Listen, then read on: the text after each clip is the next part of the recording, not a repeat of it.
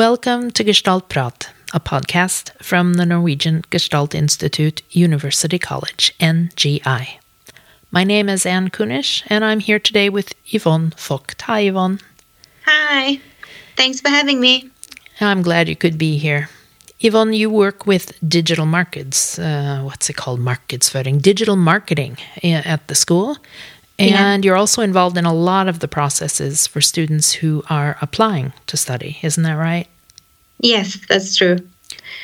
So today we thought we'd talk about the English language Gestalt therapy program. I thought maybe we could base it off the template we use when we have information meetings. So, in those meetings, we talk about what Gestalt therapy is, we talk about the Institute's pedagogical method, the way the classes are, how the program is put together, the emphasis in the different years, what you need to get in, prerequisites, yeah, yeah that kind mm-hmm. of thing. Mm-hmm. But maybe you can start uh, telling about your experience with Gestalt, Anne. Well, I came to Gestalt because I was working in management in the Oslo Public Library, and I have a good friend who's a Gestalt therapist, and I was interested. What she said made me intrigued. So I took the two year Gestalt oriented coaching education, which is in Norwegian. Unfortunately, that one's not in English. And it was really relevant to my job, um, but the more I studied, the more I wanted to learn more. So after I finished the coaching education, I did the therapist education. And at that point, I quit my job in the municipality and started working as a therapist. And after that, I took some of the continuing education programs at NGI. So that's how I came to it. But Yvonne, no, you, you're also a student at NGI. You don't just work there, you started studying there. Yeah, that's true. So there was something about uh, what you, the vibes you were picking up from the students that made you want to learn more? Yeah, it was. It was. Um, I think it was the the thing about learning how to um, be in a group, uh, how to uh, meet people in the right or not the right way, but uh, well, a different way. Yeah, yeah, a new different way. Ways. Yeah. Um, yeah, and it's really exciting. Mm. So, a lot of what I'm going to talk about, even though you're not studying Gestalt therapy, you're studying relational leadership in organizations. I, yeah. I know that a lot of the things I'm going to talk about today with the English language therapy course are things that you'll recognize because a lot of these things are the basic Gestalt approach elements that we teach in all of the educations at NGI. Yeah, that's true. We we are experience a lot of the methods uh, methods.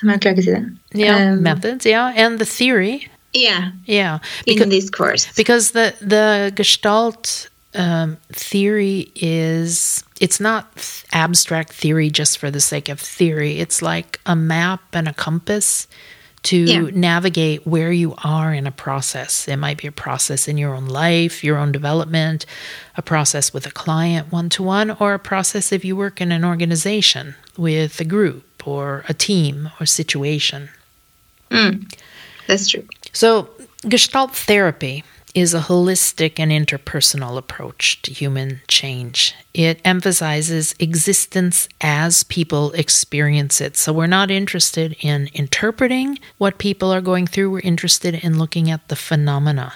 What is emerging here, and can we just observe it without judging it? Can we be curious about it? Can we uh, explore it together? And the word mm. the word together is really important because we use ourselves in the process. Yeah. We're interested in the here and now that I become me together with you. And that means that I become me in different ways in different situations. So that's a lot of what we look at in the therapy room or anywhere we're using the Gestalt approach. Yeah. This branch of psychotherapy is built on phenomenology, which has to do with how we experience uh, things, and existentialism, which has to do with the, the big challenges in life, you know. Uh, freedom and responsibility, that no meaning is given, we create our own meaning. Everything ends, things are imperfect, loneliness, all of these big existential questions people have. It was started in 1950 by, or in the 1950s, by Fritz Perls and his wife Laura Perls. Fritz was a psychoanalyst and a psychiatrist. Laura was a psychologist and psychotherapist, and they were looking for something more relational than the psychoanalysis of the time. It's also based on Gestalt uh, psychology, which has to do with how we perceive things, how we take things in uh, through our senses and make meaning of them. And all of this, I suppose, sounds familiar to you in your Gestalt course. Yeah, yeah, it is. So, the therapist training program goes over four years, part time. Mm-hmm. Uh, one of the reasons mm-hmm. it's part time is because we have grown up students. Uh, this isn't a course of study where we take in 19 year olds right out of high school. Here, it's important that you have some experience working with people already. In any, in any capacity, I mean, there are lots of ways you can work with people. Yeah. And you need to have a bachelor degree to yeah, or enter the program, or what you feel is the equivalent. So if you're not sure if yeah. you're qualified, it's really important to to contact us and ask because you might be even if you don't have a bachelor. Yeah, yeah, of course. And the other reason the study goes over four years part time is it takes time to assimilate these um, experiences and processes. It takes time to understand the theory in your body. It's not just a cognitive process, it's also an embodied process. Yeah. So it's uh, university accredited with 120 credits. Um, yes. And we've talked about the prerequisites. So I can see I can say something about how the program is put together. Each year, there are nine workshop based modules of mostly two days, uh, very few times they're three days.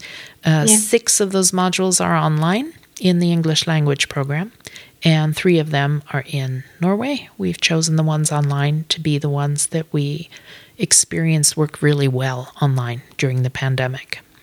Yeah. We have the first and the last is in Norway and one in the middle. Yeah. So, yeah. So you can meet your classmates yeah, and you can experience more of a physical group process when you're yeah. in Norway. And mm. our classrooms aren't traditional. You're not sitting behind a desk, everybody facing forward, uh, taking notes. We sit in a circle mm-hmm. and we use the group process as part of the learning experience. And for us, it's really important that you experience the theory first. So, students experience the theory in the form of short exercises done with other students. And then mm-hmm. afterwards, when they've uh, processed what happened with them in the exercise, then we talk about the theory. Uh, short lectures, discussions, and then students can do the required reading after the module when they already have uh, an embodied experience of what the theory is. Yeah, and then you also do a reflection log after each lecture, mm. and that they can process everything you have um, experienced in the lecture. Yeah, and you can uh, try to apply the theory you've learned to the experience. Yeah. Mm. Mm-hmm. So, during these four years, students have to have a minimum of 70 therapy sessions with a Gestalt therapist but yeah. the students who have gone to a Gestalt therapist during the last 12 months before they start the study, they can have up to 20 of those hours applied toward the 70. Yeah, that's true. And you have to have 50 hours before ending the second year to accept clients. Yeah, that's important. We suggest about 50 hours being completed by the end of the second year because in the third and fourth years, you are practicing as a student therapist in some capacity parallel with the teaching. And yeah. that practice can be one to one clients. It can also uh, be practicing the Gestalt approach in your workplace. Yeah. So there are lots of ways to satisfy the practical requirements, and that's something that we give more information about as that time uh, comes. And the school uh, assigns supervisors to support you in your practice and to help you determine whether or not the way you're using the Gestalt approach can count toward those 400 hours. Yeah, that's true. And we are also taking supervision online. Yeah, because our students in the English language class, they're coming from all over the world. Yeah. So, the first year, uh, students learn the basic Gestalt principles and theory and history, and they apply them to their own process. So, the emphasis yeah. in the first year is their own process, their own personal development. Sort of like uh, put on your own oxygen mask before you try to help the person next to you. Yeah. Yeah. And in year two, there's more uh, detail. The theory comes back again, now in more detail, a little bit more emphasis on the method. And mm-hmm. the emphasis is also on the student as part of a group, the interpersonal process, as opposed mm-hmm. to the individual process from the year before. Yeah. Year three, the focus shifts from the interpersonal process to dialogue with the client. It's your first year as a student therapist in some capacity. And in year four, the emphasis is on developing and establishing your philosophy and style, you as a therapist. Mm-hmm. The practical work is really exciting because you get to start to get a feel for how it's going to be to work with it and how you're going to work with it. There are many ways you can work as a Gestalt therapist. Yeah. If you look around in the welfare system, the teaching institutions, the health system in Norway, you'll find many people who have a Gestalt education. Yeah.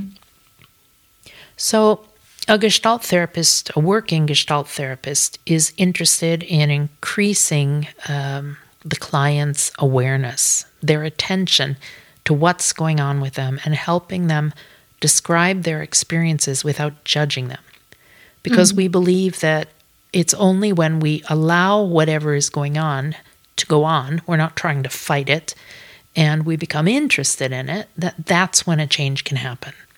That's yeah. something called the paradoxical theory of change. Mm. So we're curious, we notice and explore phenomena without judging, we uh, experiment together, we explore mm. together with the client. We're interested in the relationship here and now in the therapy room who we become together and how I'm different right now when I'm talking to you than I am with my husband or than I am when I'm teaching or in the therapy room.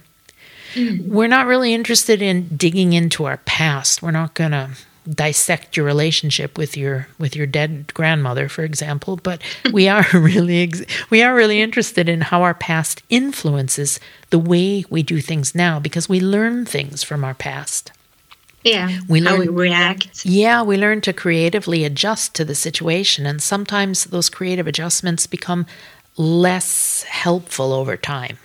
So yeah. it's when we can look at them without judging them that mm. we can uh, make useful changes in our lives and we can see which choices we have. We aren't just doing things automatically anymore. Mm. So I said that Gestalt therapists work in many different ways. I mean, you can work one to one with a client. But really, it's any kind of work with human beings, any kind of work that's relational. There are yeah. processes of development and change. It can be oh, a reorganization in a workplace, in the health system, in education, working with human relations, management, unions, teams, projects, consultancy, job placement organizations, the welfare mm-hmm. system, teaching of all types for all ages, mm-hmm. the support professions, um, working with asylum seekers, all kinds of things. So, really, you can do so much with an education in the Gestalt approach. Yeah, yeah people can apply now. The portal, the online portal for applications opened on the 1st of February and it's going to be open until the 1st of June. So yeah. people who are interested in applying, they know already now they want to apply. How do they do it? You can go to our website, gestalt.no, mm-hmm. uh, and you can go to the page there in English and you can apply from there. Yeah, there's a direct link. Yeah. And some people might think they're interested, but might need more information. Yeah, you can send me an email yeah. at yvonne at gestalt.no. Yeah, yvonne at gestalt.no. Or just mm-hmm. simply use the contact information on the website, gestalt.no. Yeah, of course. You can contact me at ann at gestalt.no. That's A N N at gestalt.no. And they can contact you at yeah. yvonne at gestalt.no. Yeah. Uh, we're always happy to answer questions. Yeah. Always happy. Yeah. Okay. I think we've covered just about everything that's important. I hope. And mm. I hope that if there's something we've forgotten, people will contact us and let us know what they need to know. Of course. So I'll let just... you get back to work, Yvonne. And thanks for taking time out of your busy day to talk to me about the English language Gestalt therapy program at NGI. Thank you so much for having me. Música